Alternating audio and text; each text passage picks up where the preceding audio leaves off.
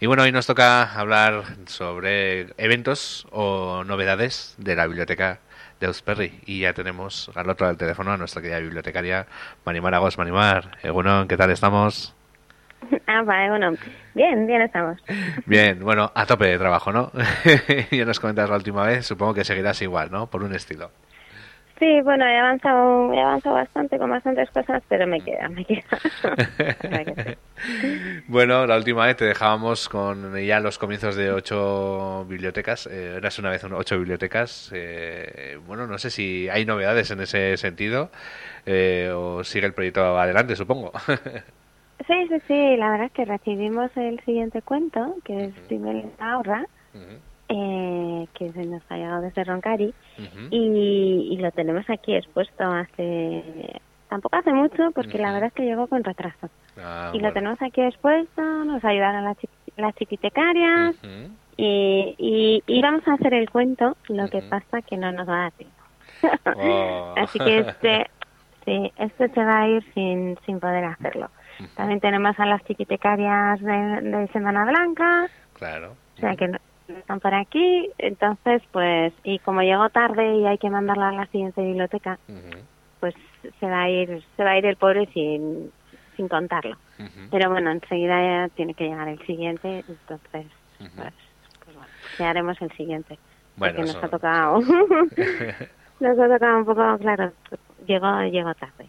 Así es. Bueno, suelen ser cosas de, se suele decir cosas del directo, ¿no? Pues ahí a veces la, que, hay condicionantes que no, que no se pueden controlar y pues bueno, pues eh, no pasa nada tampoco, eh, hay que asumirlo y no queda otra. Eh, bueno, aparte de esto, no sé si hay más novedades, ¿qué nos puedes contar? Bueno, pues quería decir que, bueno, voy a, voy a dar el aviso ya, porque el, viernes y el lunes va a estar la biblioteca cerrada y así pues para, para que no vengáis porque va a estar cerrada. Eh, entonces pues como no me sustituyen pues al final yo me he cogido el viernes y el lunes eh, de fiesta y, y, va a estar entonces va a estar cerrada. Entonces lo quería lo quería avisar ya.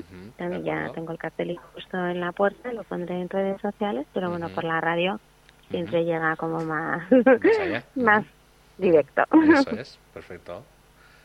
Sí, sí, sí. Vale, y no sé, sí. Y luego, pues bueno, pues, eh, pues que ya me estáis comentando que hay muchos libros nuevos en la biblioteca.